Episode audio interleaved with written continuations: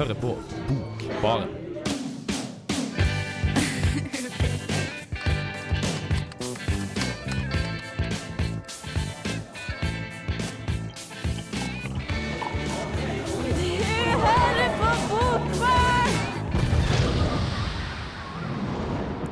Du hører på Bokbarn, ja.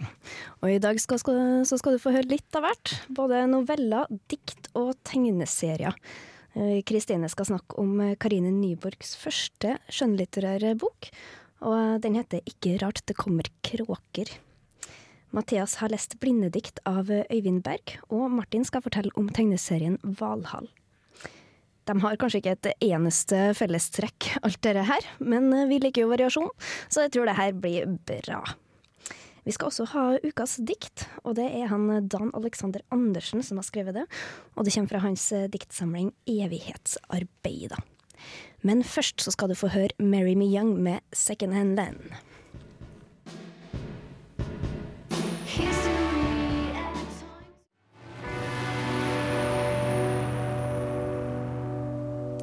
Marry Me Young der også, med Second Hand Land. Og da skal vi over til ukas dikt, og det er han Dan Alexander Andersen som har skrevet det. Og så har vi litt sånn uh, ulike meninger om han, ikke sant Mathias? Han er um, Jeg syns at boka hans ser 90-talls ut, og så skriver han uh, eldre enn han egentlig er. Men, Burn! Men det, men det diktet som som Kristina har valgt ut, er et veldig fint uh, dikt. Da. Han har veldig mye gode, gode vendinger og mye sånn gode bilder. Um, men han, jeg hadde kanskje håpa at han hadde stoppa litt før. Kanskje det har vært best. Vel, eh, det er den nye samlinga hans, eh, 'Evighetsarbeid', som faktisk er hans første. Eh, han Dan Alexander, han Interessant navn, da. Men eh, han, eh, han er vel eh, født i 1982, og så en redaktør i Cappelen Dam, så han har jo peiling på bøker, for så vidt. Han har, han var redaktør for den, for den essaysamlinga som, som Cappelen Dam ga ut med de yngste forfatterne sine i fjor. For de har jo et prosjekt på gang som Mhm. heter 20 under 30, som han der er veldig, eh, veldig engasjert eh, i, da, skjønte jeg. Ja. OK, så han er ikke ansatt, liksom. Jo da, jo, jo, jo. sånn- Han, er, han er ansatt i Cappelen som redaktør, men han er vel spesielt, tror jeg, ansatt for å ta vare på eller finne eh, unge talenter. Da. Mm. Og det skal han ha som en god redaktør selv, da, så skriver han ikke bøker på sitt eget forlag. Det er veldig viktig. Han, drar, han går til et annet forlag når han skal gi ut noe sjøl. Det her er altså Aschehoug. Eh, Men det jeg syns Det her handler jo om eh, evighetsarbeid, som tittelen eh, antyder. Så han bruker en eh, myter fra den eh, greske antikken. Og det med vekslende hell, vil jeg si, fordi at på en måte så drar han den litt for langt, syns kanskje jeg, da. Sånn at det blir litt vel i det meste laget. Og det, han, det temaet egentlig er, da, er kjærlighetsforhold og det evighetsarbeidet det er. Jeg vet ikke om det høres eh, positivt eller negativt ut, det. Men, Nei, eh, men eh, da kan vi få høre litt, da. Dette er det første diktet i samlinga, som kanskje er det mest heftige. ja, la oss høre på det.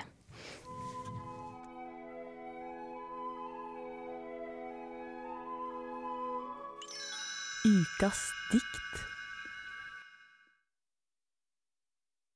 Landet. Jeg skal elske deg inn i landet, hylle deg inn i stupbratte fjell. La deg bli dyr igjen, et og dval. Fisk deg mett gjennom ørretfylte elver, tving deg ned mellom brunbarka røtter. Uutstoppelig åtsel og flå. Jeg skal dra deg gjennom markspiste hy, og du skal føde skogsdyr i drømme. Hele kull av navnløse dier i dine favner av pels og greiner. Skill deg inn og flett deg i slektenes innbitte hvile og arbeid. Gjennom bakken og opp, til lyset står gjennom støvet. La hammen falle og gjør deg om til meg hver morgen. Stig opp fra hula og sjå, klyv ned fra rede og leit. Finn meg med tenner og vinger.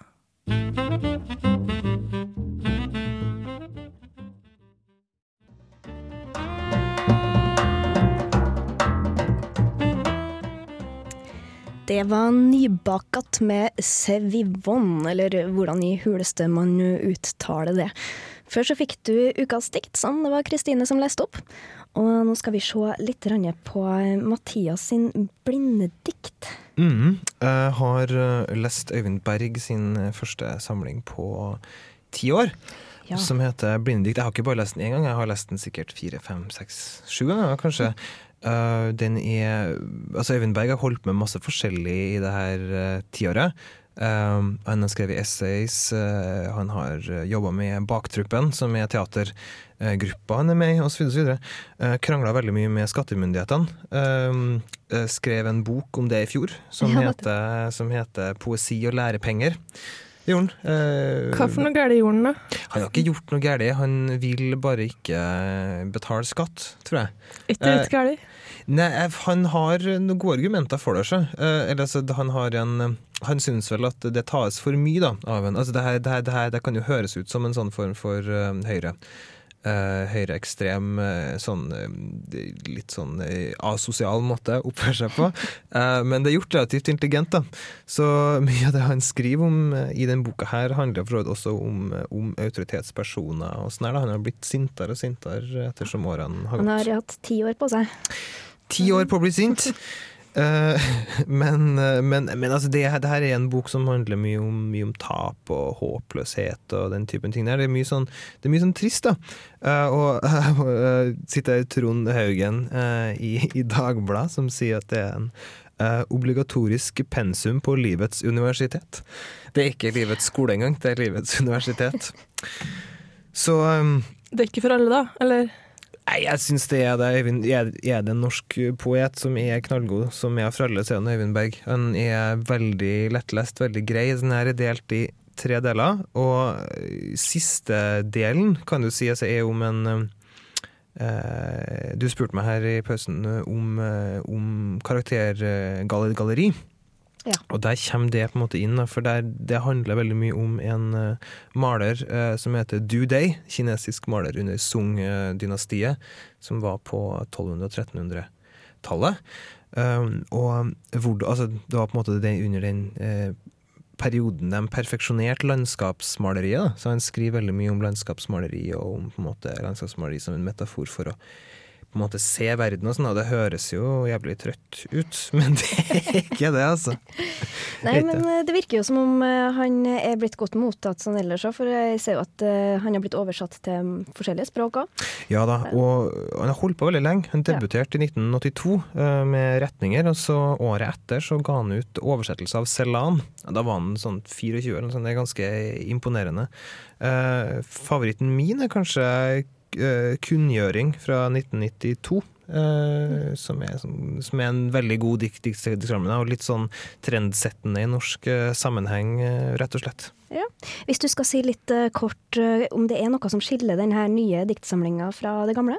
Det er vel det at den er kanskje mindre, mindre skrivete og mer sint. Altså at det er masse aggresjon. Masse i- følelser. Veldig, veldig Ja. mye følelser. Han føler utrolig mye, men likevel så er den her Øyvind Berg eh, tullete-heten, humoren med å fikse med ord og på en måte uh, omslag eller sånn på en måte innbretten her er laga med forskjellige uh, variasjoner av navnet hans. Han har liksom skrevet om det 80 000 ganger eh, på forskjellige måter. Så han gjør så mye sånt. da. Eh, Ja. på en måte, han er mye sånn, veldig sånn konkretpoetiske ting. Så det er morsomt. Ja, Han høres ut som en morsom mann, så nå skal vi få høre tre dikt. Du tar ei krone og låner ni, så låner du 90 på disse ti. Nå har du 100 spenn, et godt forhold til banken, og ingen problemer med å låne 900. Sånn holder du det gående. Går det, så går det. De eventyrlige gevinstene i finanslivet oppstår på denne måten. De eventyrlige tapene også. Hvis noe går galt, har du fremdeles bare ei krone å redde stumpene med. Penger kommer innafra, akkurat som rasshøl. Usedvanlig klar tale fra Kjell Mange Bondeveik. Tirsdag 12. februar 2002 besøkte statsministeren Karmøy, hvor han gjentok og sto fast ved avholdsløftet sitt. Like utvetydig som han også slo fast at sitat, De som ruser seg, blir yngre og yngre. Og på folkemunne. Folk er ikke så dumme som de tror. Dobbel bokføring er en regnskapsteknikk. Alle rådende regnskapssystemer bygger på det.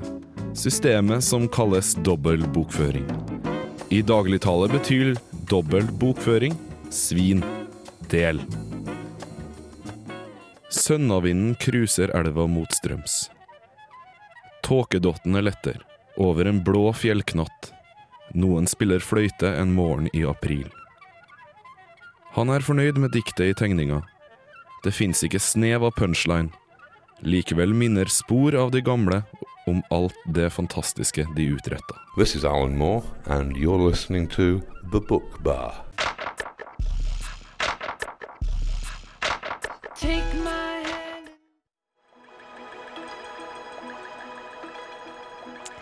Det var Deer Hunter der med Helicopter. Og nå skal vi snakke om kråka, faktisk. Sant ja, Kristine? Mm, det er ikke rart det kommer kråka av eh, Karine Nyborg. Um, Det er hennes eh, debut. Det er ei novellesamling, eh, og det er elleve veldig gode, stødige noveller, vil jeg si. Ja, den har jo fått god mottakelse, ettersom jeg vet. Ja, veldig. Den kom jo i fjor høst, høsten 2010. Og det som er veldig interessant, da, er at eh, Karine Nyborg, hun, hun er ikke sånn som de vanlige debutantene sånn i 20-årene og sånn. Hun nærmer seg 50 og er professor i samfunnsøkonomi på Universitetet i Oslo. Nettopp. Mm. Det er litt eh, tyngde bak det her, da, med andre ord.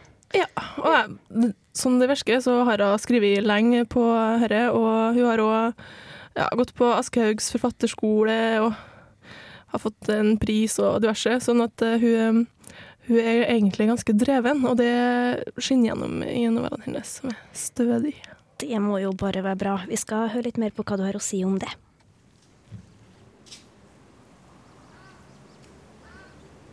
Novellesamlinga 'Ikke rart det kjem kråka' av debutanten Karine Nyborg inneholder elleve intense noveller der vi får innblikk i det som er vanskelig i menneskers liv. Det er dystre og brutale skildringer, men det er likevel fortalt med en objektiv distanse. I novellen 'Det må være en grunn' er ei jente trist uten noen tydelig årsak. Vet hun det i det hele tatt sjøl? Hun framprovoserer en smertefull og nedverdigende opplevelse. Hun lar noen misbruke. Han ligger over meg, andpusten, bøyer seg mot meg, så nær, nær. Stirrer meg inn i øynene, jeg ser han ikke klart, han er for nær.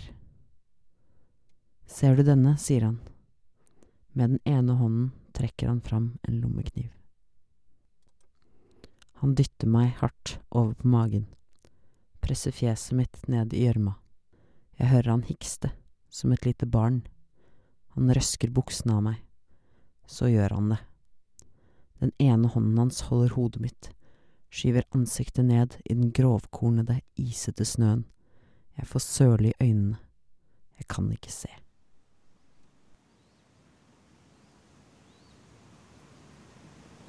En ung mann prøver å ta vare på sin eh, alvorlig uføre og alkoholiserte mor. I novella 'Man kysser ikke kameraten sin'. Det spilles på rollene offer og overgriper. Er det sønnen som ikke makter å hjelpe mora si, eller er det mora som lar sin fortvilelse gå utover sønnen? En far kommer seg ikke fram i tide til sønnens bryllup. Ei mor gjemmer seg bak reolene på biblioteket for sin lille fortvilte datter. Ei anna mor er mørkredd, og sønnen, som snart er voksen, klarer ikke helt å løsrive seg fra henne. Han vil sove i senga hennes sammen med henne, og han våger ikke å stupe fra det høye stupetårnet på brygga. Et tilbakevendende tema er forhold mellom forelder og barn. Smerte over livets brutalitet er en fellesnevner, og Nyborg balanserer godt uten klisjeer og sentimentalitet. Det er nøytralt beskrevet, men eh, en urovekkende stemning blir likevel formidla, og den stemningen sitter lenge i hos meg som leser. Ei gravid mor henter dattera i barnehagen, men eh, dattera vil bli igjen hos barnehagetanta Idun, som òg er gravid. Hvem er faren? Og så får jeg øye på Idun. Hun er kledd i en blå, uformelig varmedress med glidelåsen åpen. Hun står ved kanten av sandkassa og har allerede sett meg. Det lyse håret er bustete. Kinnene er røde av eksemet hun har, og jeg veit straks hvorfor jeg ikke tok sjansen. For hun mangler virkelig noe. Vi har fått hver vår del, Idun og jeg. Ingen av oss blir hel igjen. Og Idun mangler hud.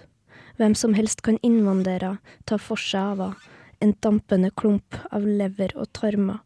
Ikke rart det kommer kråker. Ingen jeg kjenner er sånn. Jeg er ikke sånn. Jeg ville ha elska en som var sånn. Det er sjøldestruktiviteten som rår. Det er hudløs menneskene er, sånn at innvoller, sår og inflammasjoner ligger åpent. Det er ikke rart at det kommer kråker. Det hørtes ut som det var noen dystre greier du har eh, lest nå. Mm. Den er det, og på en måte så syns jeg at den blir eh, for dyster, fordi at det er på en måte ingen eh, pustepauser som, eh, som eh, jeg liksom kan slappe av litt i, da. Fordi at det er ingenting godt som skjer. Det er liksom en monoton, dyster stemning gjennom hele novellesamlinga. Ja. Det vises jo, det gjenspeiles jo i tittelen.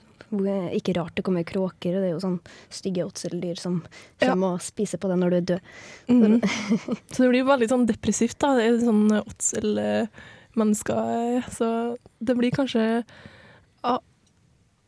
veldig intenst. Ja.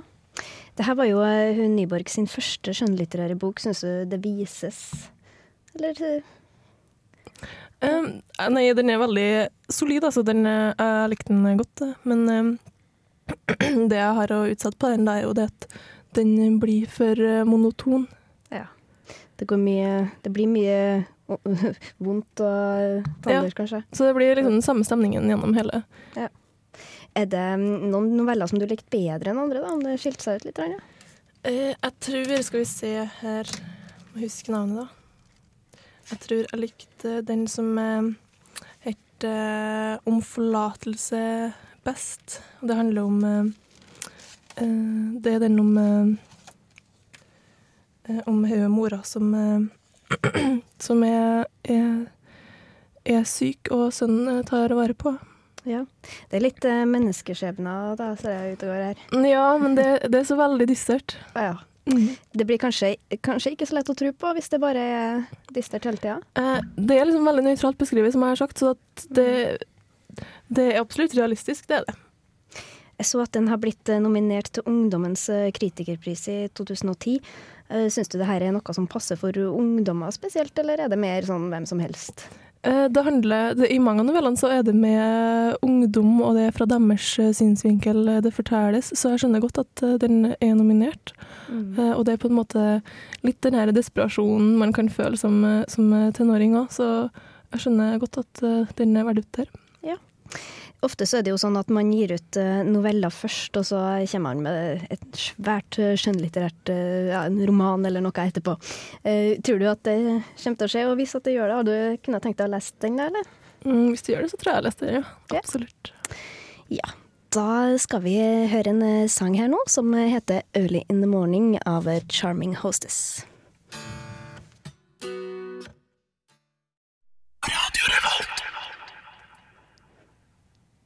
Ja, har du lyst til å være med og fikse saker og ting for samfunnet, så vet du hva du har å gjøre. Vi skal snakke om tegneserier. Endelig. Igjen? Ja, igjen. Ja, men det begynner, begynner å bli en greie her. kan ikke bli nok. Ja, nei, nei, for det er jo sånn, ikke bare, ikke, bare, ikke, bare, ikke bare står jeg i et hjørne og kommer, kommer pompøse utbrudd av typen burn. Eh, Jeg kommer også med tegneserier som jeg skal snakke om. Nå syns jeg du er litt for opprørsk. Jeg, synes, jeg er jo opprørsk av natur, jeg, vet du. Eh, Skinnjakke og dongeribukse. Det er meg, vet du. På motorsykkel. Sånn som en Arnold Schwarzenegger i Terminator 2. Med tegneseriene under andre hånda og kaffekoppen din den andre. Nei, det- ja, blir uansett. vanskelig. Skal vi snakke om tegneserier? Ja, vi skal snakke om Valhall. Det skal vi. Uh, hva går det an til å si? Det, altså, det kommer jo, det kommer jo en, en, en introduksjon om, om Valhall. Uh, men først og fremst så kan vi si at eh, Dansk tegneserie. Eh, morsom, og så videre. Og så kan vi snakke mer om den etterpå. Skal vi gjøre det? Da gjør vi det, og så hører vi på hva du har å si eh, litt her. Ja.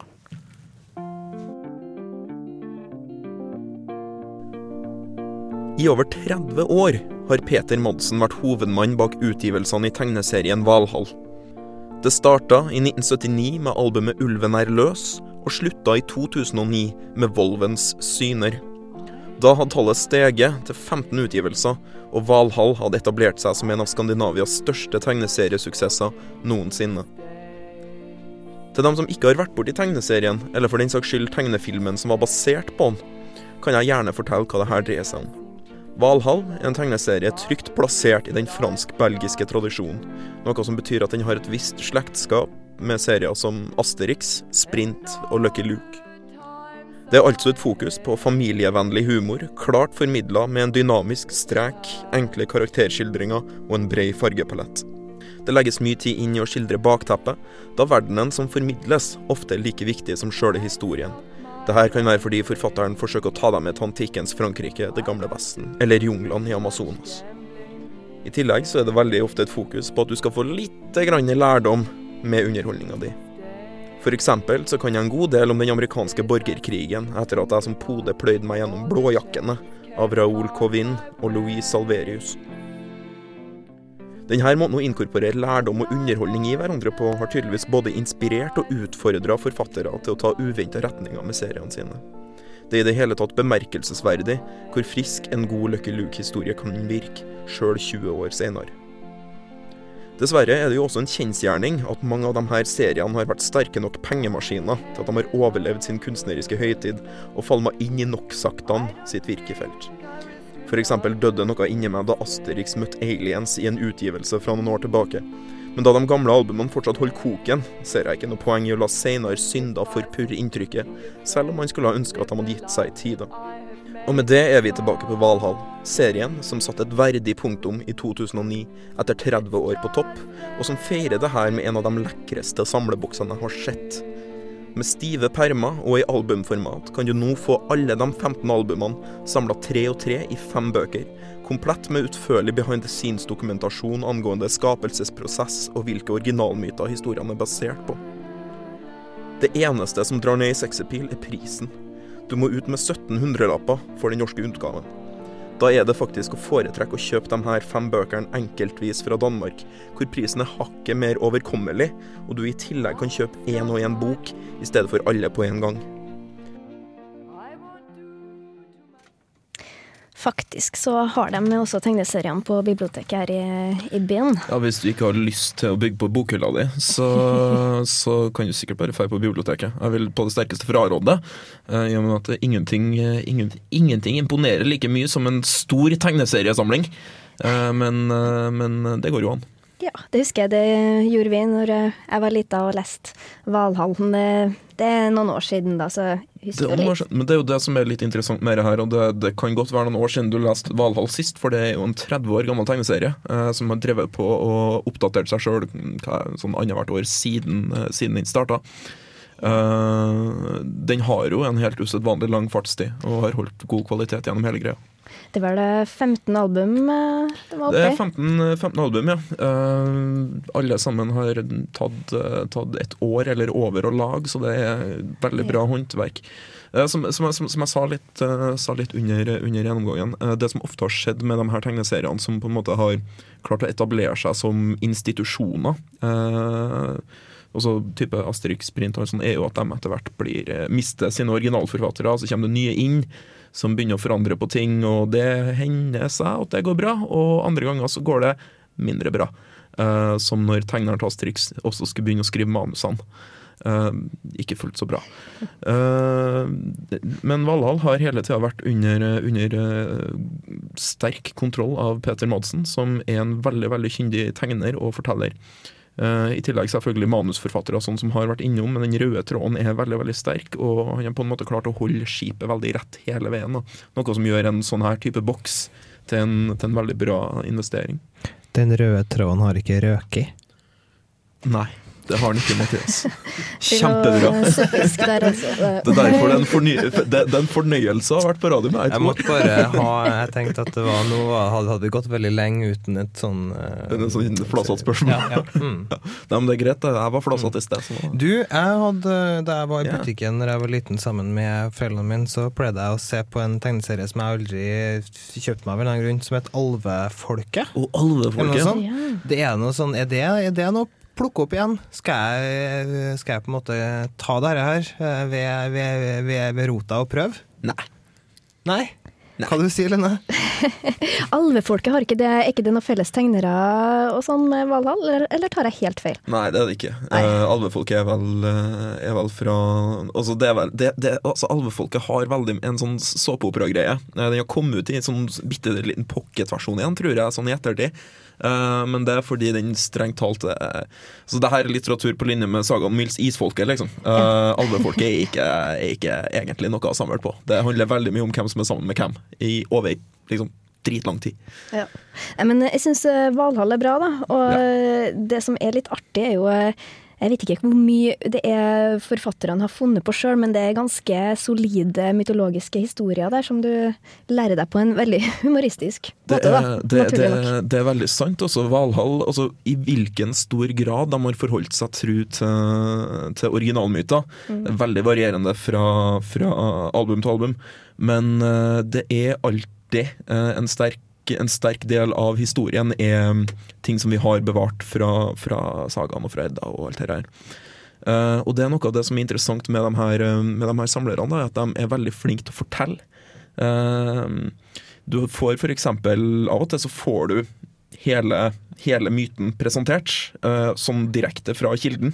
Eh, og så får du se hvordan de har arbeida med å gjenfortelle dette her i en sånn oppdatert tegneserieform. For de, altså, Hovedmålet deres er jo ikke å formidle mytologi, men å lage en bra tegneserie. Likevel så gjør de en vanvittig bra jobb med å formidle mytologi mens de lager den tegneserien. her, så Kjempeinteressant det også. Og vi liker jo folk som formidler mytologi til folket. Ja, når vi snakker om tegneseringer, så det her var en gammel, da, men en helt ny en. Ganske ny, en, i hvert fall. Det er Mira. Mira. Det sitter Ja. en eh, tekniker som er veldig fornøyd her, for det er teknikeren vår, som nemlig tegneserieskaper Arne By. leser her nå. Da, ja, dere må søke opp Mira på Google, så finner dere frem til det. Og så kan dere tenke litt på teknikeren vår som sitter og jobber her nå. Men over til Valhall igjen, da. Eh, Jeg syns det er litt artig hvordan de blander det Her har du en, en blanding av humor og norrøn mytologi. Og jeg vet ikke om det er de to tingene som passer så jæklig bra sammen, men nå har jo jeg snakka om gudenes fall tidligere her. Ja, det er humor og norrøn mytologi. Eh, altså, De norrøne gudene er jo kjempemorsomme. Eh, det, altså, det, det, og det er jo noe av det de har jobba veldig mye med i, i Valhall-serien. Er jo å finne fram hvilke deler av dem det er som er veldig morsomme. Um, og det, det, det fungerer veldig bra. De gjør jo sitt i å, i å, men, altså, i å, i å gjøre det litt mer sånn lettspiselig da, for, eh, for, eh, for leserne sine, i og med at det er en, en tegneserie som skal passe for barn, men likevel så er Valhall eh, tar vare på det at det her er en ganske rå verden, eh, og at eh, norrøn mytologi er en rå mytologi. Så når det trengs, så, så syns jeg den er i stand til å formidle, formidle alvoret i sakens kjerne, kan du si. Ja. Der, eh, jeg syns jo tegningene bidrar ganske fint til det òg, for at han Loke blant annet er jo tegna med flippskjegget og ser ganske ond ut til tider. Man har fått det her, og så har du Tor, da, ikke sant, som en stor, og, stor mann med masse rødt skjegg. Ja. Og som er, og, Dum som ei sild, eller Nei, det er, I er hvert, i, hvert fall, i, hvert, I hvert fall ikke den smartesten av dem.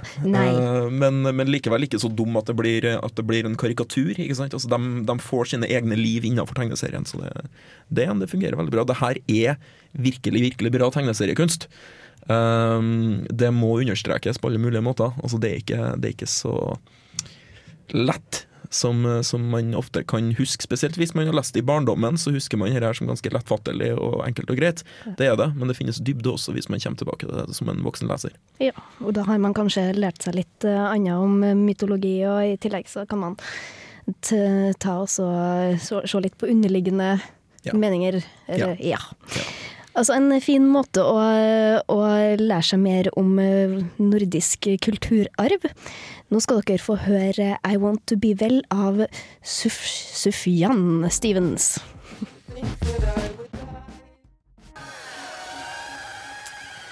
I Want To Be Well der også.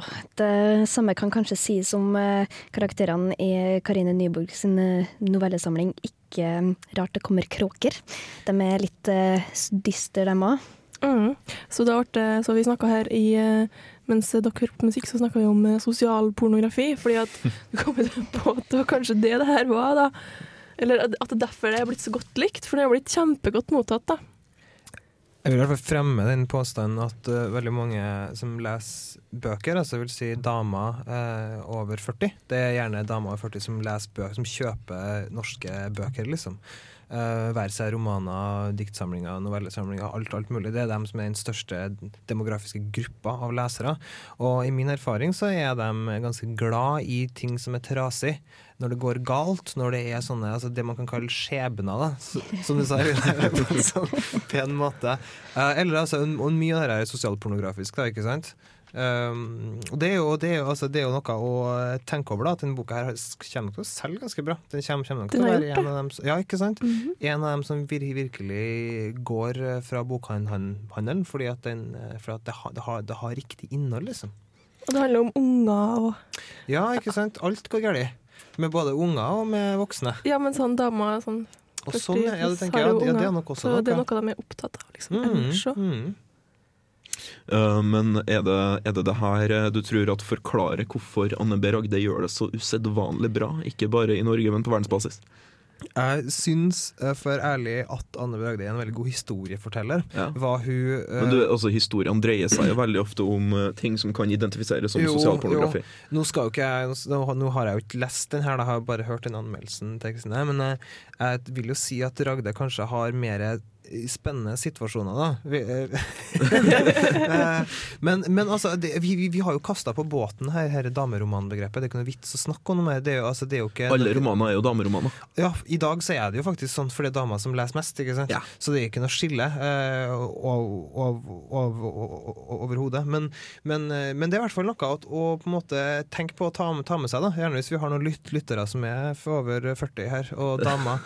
Les dere sånn her. Altså, hva får dere ut, ut av det, på en måte? Er det, kjøper dere dette for at dere liker det best? Prøv å finne mer koselig, er det Mathias eh, prøver Ja, å si. det går an å Prøv å finne noe mer modernistisk. Nei da. Men det er noen, vi, vi må på en måte Vi må bare Vi må forsøke å holde litt motet oppe når det er vinter, tenker jeg. Det høres ut som noe som kunne ha stått i bokhylla til min mor, sammen med 'Hvordan takle stress og leve sunt', 40 vegetabilske oppskrifter osv. osv. Så hyggelig det med mora di. Det er sant, og sannheten skal frem. Mammaen min er ikke sånn. Du har Jeg må bare si ifra hvis du hører avslappa og sunn mor som spiser, spiser bra og sånn, så det er hyggelig. Avslappa vet jeg nå ikke, men eh, det, hun skal få være som hun er. Eh, nå skal La dere, mora di være i fred. ja, nå syns jeg dere skal ja, Her skal dere få Cripple Creek Ferry med Neil Young.